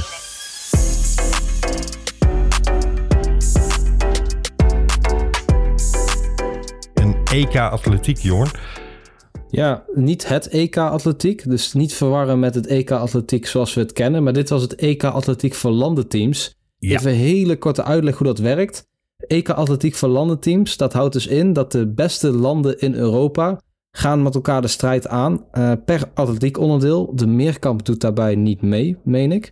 Dus een heel uh, rits aan atletiek onderdelen die je normaal ook ziet. En uh, ieder land zet daarin zijn beste atleet in. En op basis daarvan kun je dus per onderdeel punten verdienen. Eigenlijk een soort songfestival idee. Dus niet alleen dan geen 12 punten, maar 16 punten geloof ik voor de winnaar. En op die manier krijg je uiteindelijk een algemeen klassement met een eindwinnaar. Dus een land met de beste resultaten dat is uiteindelijk het land dat het Europees kampioenschap voor landenteams wint. Nederland doet het daarmee in de hoogste divisie. Dat is, dat is nog niet zo lang. En zijn uiteindelijk zesde geworden. En dat is dus de beste prestatie ooit van Nederland in, in landenverband. En wat laat dat nou eigenlijk zien? Dat laat zien dat Nederland als atletiekland enorm is gegroeid. Iets wat we eigenlijk al wisten. Wat ook in het buitenland is opgevallen. Hè? Onder andere Femke Bol die het ontzettend goed doet. De Nederlandse sprinters, met name dus de Nederlandse vrouwen, die echt, uh, die echt er bovenuit, uh, bovenuit steken. Ho, Nederland ho, Nederlandse estafette mannen ook niet onderschatten. Ja, 4 keer 400, dus de 400 ja. meter lopers, ontzettend goed.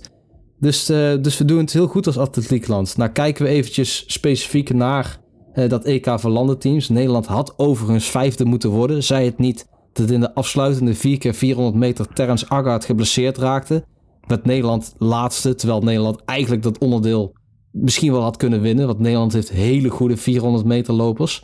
En dat laatste onderdeel werd gemixt uh, gedaan. Dus twee mannen en twee vrouwen. Nou, dat is bij Nederland helemaal in orde. Want we hebben zowel bij de mannen als bij de vrouwen goede 400 meter lopers. Femke Bol deed weer mee. Die deed niet mee op haar uh, favoriete afstand, namelijk de, vier, de 400 meter horde. Maar ze deed op de gewone 400 meter mee. Maar ja, ja. Femke Bol is een anderskunner. Dus die won ook gewoon met overmacht die 400 meter. Uh, Lieke Klaver deed niet mee op de 400 meter, maar wel weer op de 200 meter. Hier zie je wel dus de, dat uh, in dit geval zie je ook dat zo'n bondscoach bepaalde keuzes maakt. Hè? Dat niet iedereen op een favoriete onderdeel uitkomt, omdat je eventueel uh, ook nog een andere hebt die op een bepaald onderdeel heel goed is. Dus het is een beetje wikken en wegen. Het strategisch ja, inzetten of, van je beste Jorn, atleten. Of, ja? of een atleet geblesseerd raakt en je ineens een kogelstootser moet inzetten bij het hordenlopen. dat gebeurde bij België. Ja, ja. België heeft het soldaat, dat had nog een moment van de week kunnen zijn. Die hebben dus gewoon een kogelstootser laten hordenlopen. Ik kreeg er een warm wel, Olympisch gevoel van. Ja, Meedoen is belangrijker dan winnen. Precies. Nou, dat zomaar gekund. Weet je, iemand, uh, een Keniaan uh, tijdens de winterspelen. Zo'n gevoel kreeg je er een beetje van. Wel heldhaftig dat ze deed hoor. Absoluut. Ja, Applaus. Zeker, zeker. Dik respect daarvoor. Dat uh, ja. is echt wel, wel knap. Maar goed, Femke Bol deed dus mee. Lieke Klaver, die kwam echt in de buurt van de tijd van Daphne Schippers. Dus die is ook op die 200 meter echt Persoonlijk wereldtop. Ja. ja. Maar er waren ook nieuwe namen. En dit keer bij de mannen. Even twee namen uitgelegd. Ene is uh, Rafael. Die liep al uh, 10.02 op de 100 meter. Dat is de tweede tijd ooit voor een Nederlander. Nou, de beste die kennen we. Dat is uh, de altijd lachende Churandi Martina. Maar Rafael Bourju is dus echt een megatalent. En die komt op die sprintonderdelen bovendrijven. En werd tweede in zijn, in de afsta- in, op de 100 meter. Achter, achter Italië, die trouwens overal... die, die, die wonnen het toernooi, dus die waren overal heel erg goed. Een andere naam die ik wil uitleggen, dat is de naam van Niels Laros. Ook nog echt piepjong, een tiener. Die evenaarde onlangs het Nederlands record van Gertjan Lievers op de 1500 meter. Namelijk een 3.32.89. dus dat is ontzettend rap. En Niels Laros die werd derde in een veld met echt wereldtoppers. Dus Niels Laros, dat is echt wel een jongen die, uh, ja, die we moeten gaan onthouden. Dus onthoud die naam, uh, jongens. Niels Laros voor de komende Olympische Spelen al in uh, 2024 Parijs zou hij daar best wel eens. Uh, maar in ieder geval, deze jongen, dat is, uh, dat is echt een, een megatalent. En ja, zo is dat best wel een leuk toernooi om te kijken, zo'n uh, zo'n EK-atletiek. Want bijvoorbeeld Nederland heeft op bepaalde onderdelen helemaal geen goede, nou ja, met alle respect, dus niet geen wereldtoppers. Maar die kunnen dus nu wel met die wereldtoppers meedoen. Dus bijvoorbeeld bij speerwerpen, ik noem maar iets, of, of verspringen. Dat, dat de Nederlandse, de beste Nederlandse atleten op die onderdelen, die doen dus nu wel mee met de wereldtop. En dat is wel, uh, dat is wel leuk aan zo'n toernooi. En natuurlijk andersom ook. Hè. Je ziet ook dat Femke Bol op zo'n 400 meter tegen je dames loopt. Die, ja, die, die loopt er echt uh, driedubbel uit. Want ja, die zijn gewoon qua niveau een stuk minder. Maar um, als je gewoon kijkt naar die mondiale, of de, de Europese top in dit geval. Kijk je dus naar Italië, Polen, Duitsland. Dat zijn landen die echt nog beter zijn dan Nederland. Spanje nipt. Maar Groot-Brittannië, ja, ze, ze eindigen nu als, als vijfde. Maar ik zei dat als uh, Terence Agat niet geblesseerd was geraakt, dan had Nederland was gewoon vijfde geworden. Hè? Dan was je boven Groot-Brittannië geëindigd. Nou, Groot-Brittannië is echt een, een atletiekland puur zang. Dus dat is, wel, mm -hmm. uh, dat is wel opvallend. Maar Frankrijk laten we gewoon achter ons. Hè? Dus het is echt de Nederlandse atletiek nooit beter geweest. Mooi, mooi, uh, mooi samengevat. Wel een, uh, ja, we gaan dat in de gaten houden. Zeker richting Olympische Spelen in Parijs 2024. En we melden ons ook tussentijds nog wel weer even met atletiek, beste luisteraars. Want van de week werd ook bekend dat de tweede marathon in de planning zit voor. Sivan Hassan. Ja. ja. Toch eerder dan ik gedacht had. Dus dat gaan we zeker in de gaten houden.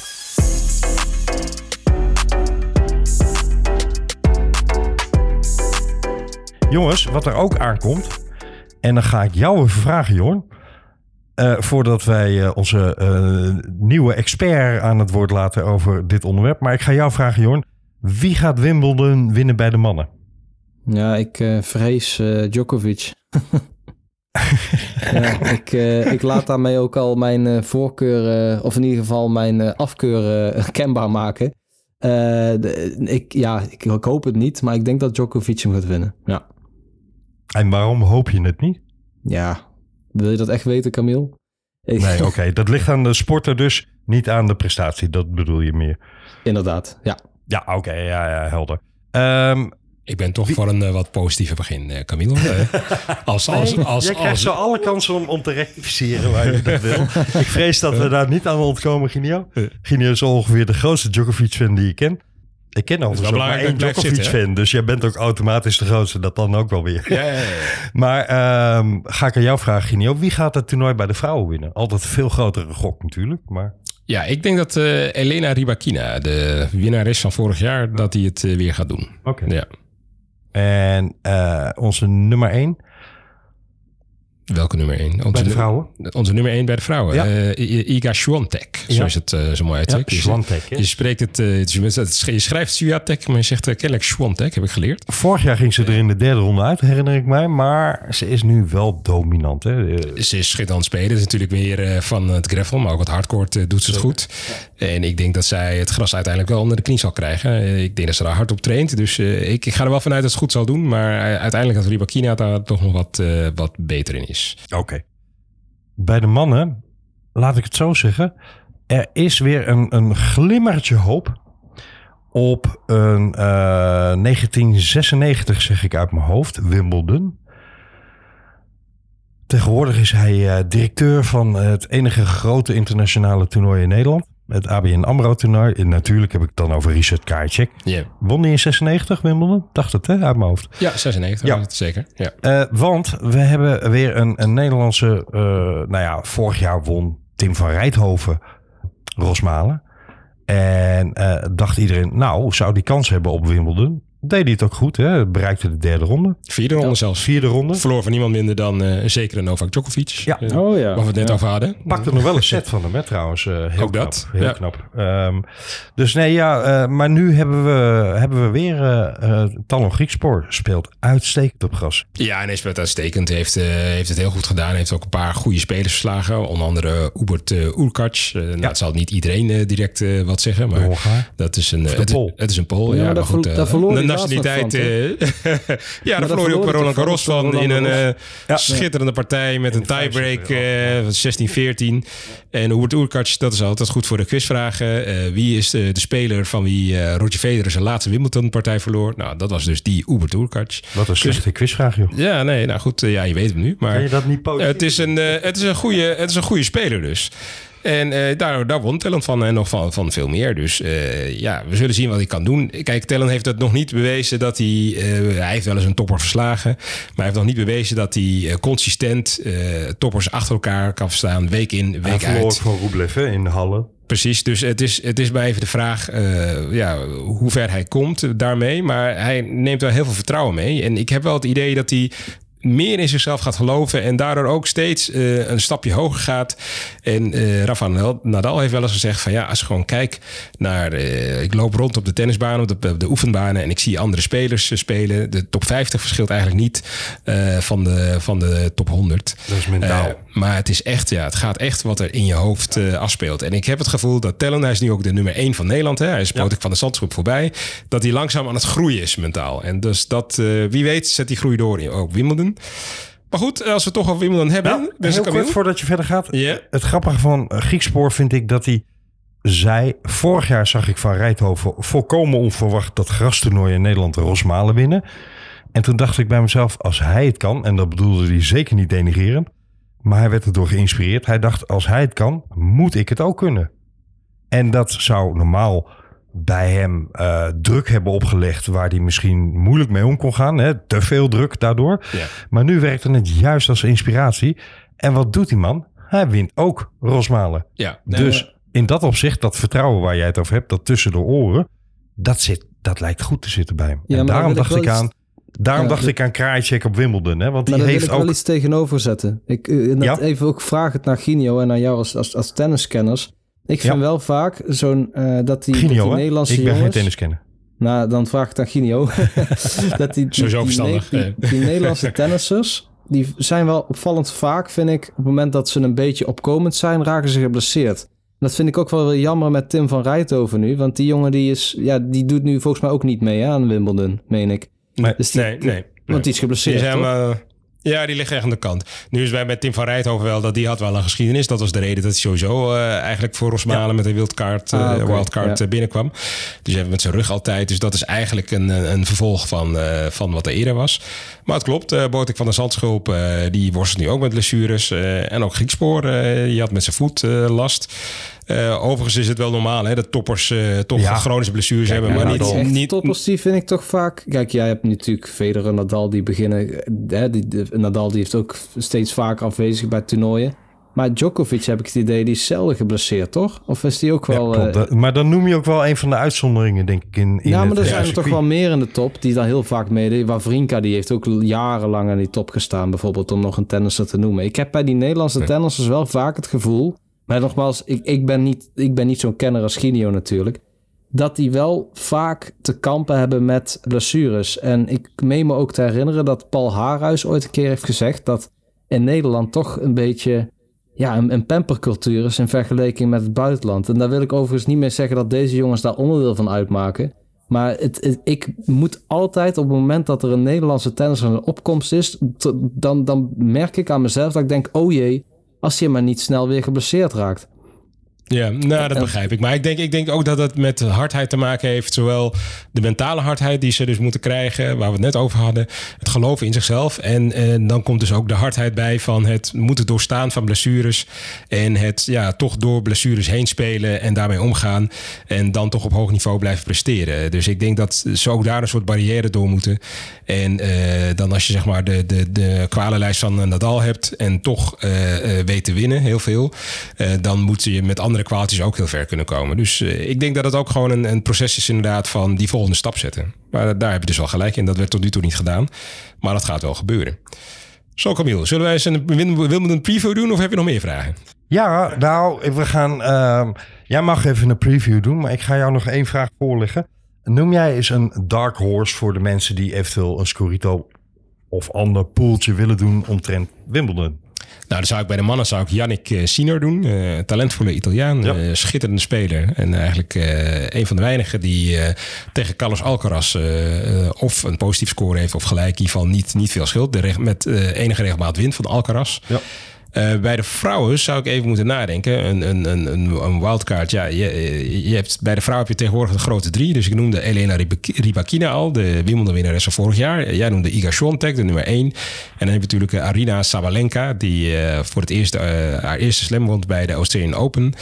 Uh, maar goed, die zou ik daar niet echt een dark horse willen noemen. Ik denk Petra uh, Kvitova uit uh, Tsjechië.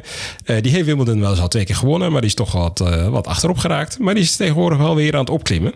Dus dat zou zomaar een verrassing kunnen zijn dat die toch weer met de Venus Rosewater Dish, zoals die prijs heet, in haar handen staat aan het eind van de twee weken.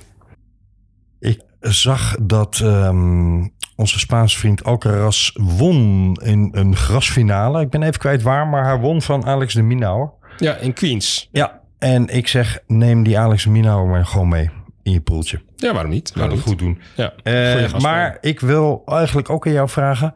Als ik denk aan Lorenzo Sonego op gras. Vind jij dat logisch? De Italiaan. Nee, vind ik niet logisch. Nee. Dus daar kan ik kort over zijn. Maar ik denk toch, op een of andere manier, ik denk toch dat hij iets gaat doen. Nou ja, we zullen het zien. Eh, laten, we, laten we over twee weken weer zitten en eh, kijken wat Sonego heeft gedaan. Ja, Eh, ik, misschien wordt ik keihard gelogen straks, maar ik heb een, een ik ben bang dat het grietspoorgevoel niet bij hem. Ik ben, bang, ik ben bang dat het niet gedenkwaardig zal zijn, maar we zullen het zien. We gaan, ja, we gaan dus een volbeschouwing doen. Ehm, waar gaat het om bij Wimbledon? Het is het meest prestigieuze tennistoernooi van het circuit. Hoe je het wint verkeerd. Ja. Parijs is prachtig met de gravel. Australian Open is prachtig omdat het vroeg in het seizoen is. En dan zijn we allemaal weer toe aan een groot toernooi. New York is prachtig omdat het New York is. Luidruchtig, eh, evenement, happening, eh, noem alles maar op. Maar er is maar één klassiek all-white toernooi. Wat ja, gewoon het meest prestige heeft. En dat is Wimbledon. Ja, nee, dat, Overigens vind ik ook het mooiste spel altijd. Nou ja, dat, dat hangt er vanaf hoe je het bekijkt. Want, eh, Ja, ik ben een Federer fan, hè, dus... Op Wimbledon eh, ja, heb je natuurlijk eh, veel snelle ballen, wat kortere rallies, veel volleys. Op andere baansoorten heb je wat meer langere rallies. Het is maar waar je van houdt. Ehm, maar ja, goed, waar gaat Wimbledon om dit jaar? Het gaat eh, uiteindelijk natuurlijk om de prijs zelf, de trofee. eh, dat is duidelijk. Nou, we hebben net al eigenlijk besproken wie bij de mannen en bij de vrouwen eh, de favoriet zijn. Maar bij de mannen gaat het bijvoorbeeld ook om historie. Novak Djokovic heeft nu 23 Grand Slam titels. De meeste ooit bij de mannen. Hij kan op 24 komen. Dan zou je denken van ja goed, dan is hij nog steeds de meeste ooit. Wat, wat maakt het nou uit? Maar dat betekent dat hij op gelijke hoogte komt met ene Margaret Court. Ja. Een Australische die het record zowel bij de vrouwen als de mannen heeft. Dus dat staat voor hem op het spel. Daarnaast staat ook voor hem op het spel. Als hij wint, wint hij voor de achtste keer Wimbledon. En dan is hij de recordhouder naast Roger Federer. En dan staat er nog een derde ding voor hem op het spel. Dus heel veel historie. Als hij Wimbledon wint, betekent dat hij zowel eh, de Australian Open, Roland Garros en Wimbledon heeft gewonnen. En dat kan hij doen, en dat is echt de heilige graal van het tennis. Eh, dan kan hij het Grand Slam winnen. Dus nou, dat betekent dus dat hij dan dus alle vier de toernooien in één jaar kan doen. En dat is echt de heilige graal van het tennis. Is dat in, het, in het, eh, wat ze noemen de open era, hè, sinds het proftennis er is, zeg maar. Ja. Is dat, eh, hoe vaak is dat gebeurd? Ja, eh, alleen eh, Rod Laver heeft, dat, heeft dat ooit heeft dat als laatste gedaan, althans. En bij de vrouwen was Serena Williams er in 2015 heel dichtbij op de US Open, halve finale. Het was uitverkocht, de hele kranten stonden er vol van en het lukte niet. Djokovic zelf in 2021, finale US Open, één wedstrijd nog en Medvedev won hem. Dus daar kan hij naar op weg zijn. Een ander ding dat speelt bij de mannen is van ja, wie is nou de echte nummer 1? Want Carlos Alcaraz en eh, Novak Djokovic wisselen elkaar eh, steeds af. Dat heeft met allerlei dingen te maken. Djokovic kon een aantal toernooien niet spelen omdat vanwege vaccinaties. Alcaraz was wel eens geblesseerd. Eh, er werden geen punten vorig jaar verdeeld voor Wimbledon, waardoor die ranglijst toch wat, wat maf is. Nou, nu is Alcaraz de nummer 1, maar blijft hij dat? Dus dat zijn ook hele interessante vragen. Nou, bij de vrouwen hebben we het net gehad over de grote drie, dus dat zal ik niet herhalen. Ja. Een ik, ander ding ik wil nog een naam bij die grote drie toevoegen, namelijk Ons Jabeur. On Jabeur, dat vind ik een hele goeie. Want dat is inderdaad een hele interessante speler. Ja. Met, eh, die heeft ook wel, eh, speelt goed grastennis. Heeft een eh, slice. kan voleren. Er zit veel variatie in. En is heel erg opgeklommen. Absoluut. En was vorig jaar finalist. Eh, laten we niet vergeten dat zij eh, finalist. verliest finalist. Maar ze won de eerste set. Stond in de tweede set goed voor. Ja. Eh, dus dat. Maar ik, neem, ik pik tot slot nog één ander dingetje bij de vrouwen uit. Want wat bij de vrouwen veel meer speelt dan bij de mannen. Gek genoeg. Terwijl het wel hetzelfde item is. Bij dit jaar mogen de Russen en, en de Wit-Russen wel meedoen op Wimbledon. Vorig jaar was dat niet zo. Eh, maar wat we bij Roland Garros een aantal keren hebben gezien... is dat als een Russische dame tegen een Oekraïense dame speelt... en met name speelt als Marta Kostjuk en ook eh, Elina Svitolina... precies, die, die, daar worden er geen handen geschud. En dat levert toch wat gekke situaties op... want die Oekraïense dames zijn er best duidelijk over. Ja. Maar in Parijs eh, ja, snapten ze toch niet... dat zo'n dame dan gewoon niet eh, naar het net gaat en weg. Dus werden ze, werden ze uitgefloten. Ja, En een mel- was dat niet omdat die Russische speelsters wel heel nadrukkelijk naar het net gingen en hun hand uitstaken?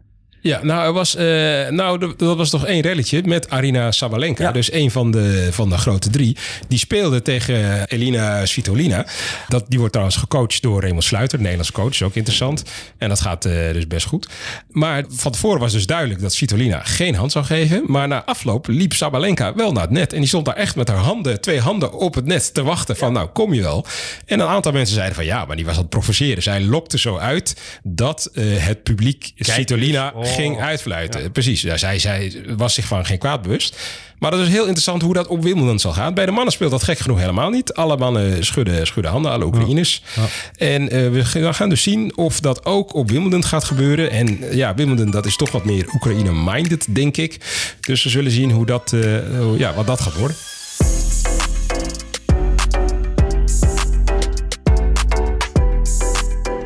Even los van al het politieke nieuws uit Rusland. Hè, van het weekend dat we in deze podcast niet zullen behandelen. Maar ja, de boel stond wel eventjes eh, op stelt en in de fik. Maar het is eigenlijk ook wel gek. Hè? Als je in de, in de sportwereld even in ogenschouw neemt. In het boksen ligt de internationale boksbond er gigantisch uit. Want wordt voorgezeten door een Rus. Gaat allemaal niet zo heel erg lekker met die boksbond.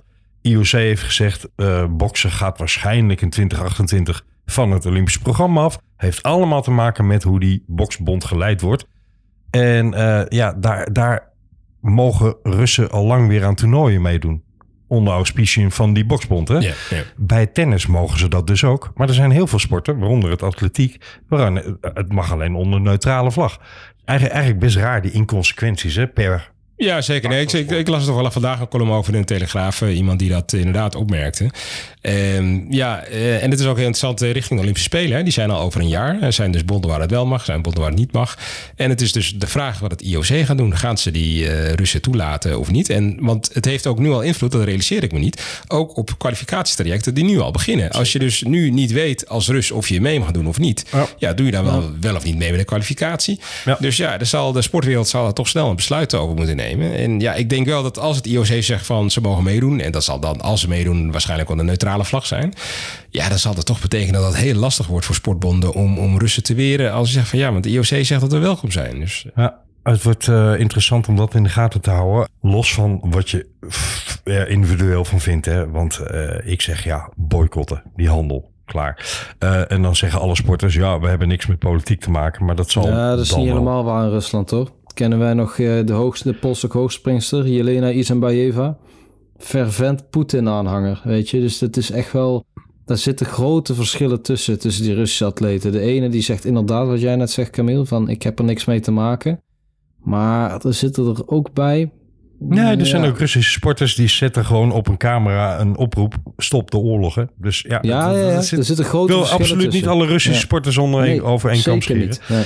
Wa- wat ik bedoel is dat men in de sportwereld over het algemeen zegt: ja, dat is politiek en dan moet je buiten de sport houden.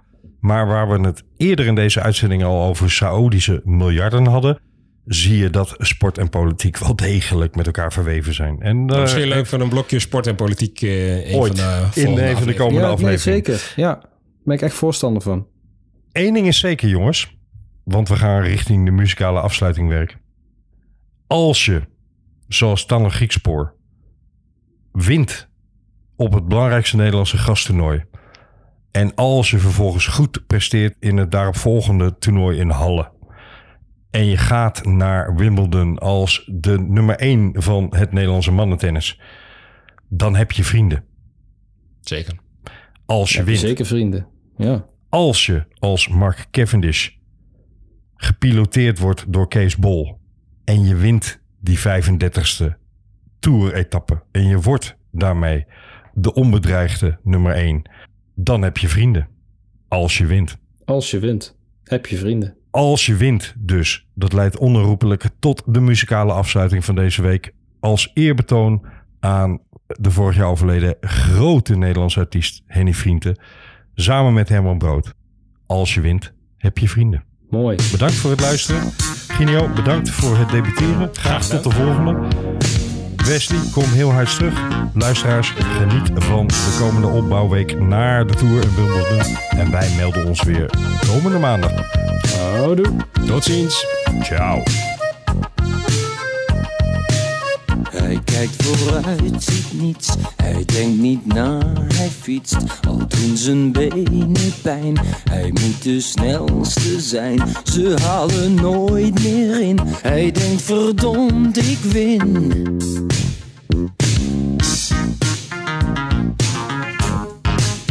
Nooit meer alleen.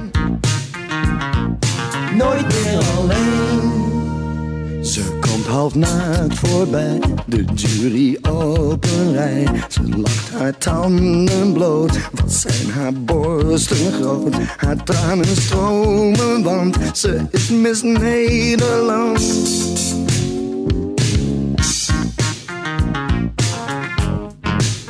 Nooit meer alleen.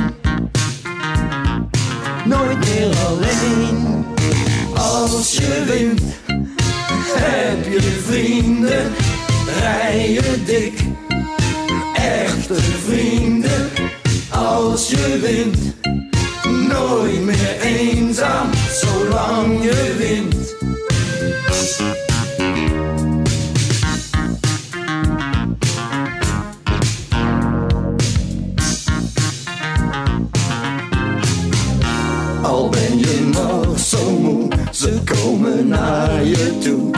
Of je nu slaapt of eet, of half aangekleed. Een feest is nooit een feest, als jij niet bent geweest.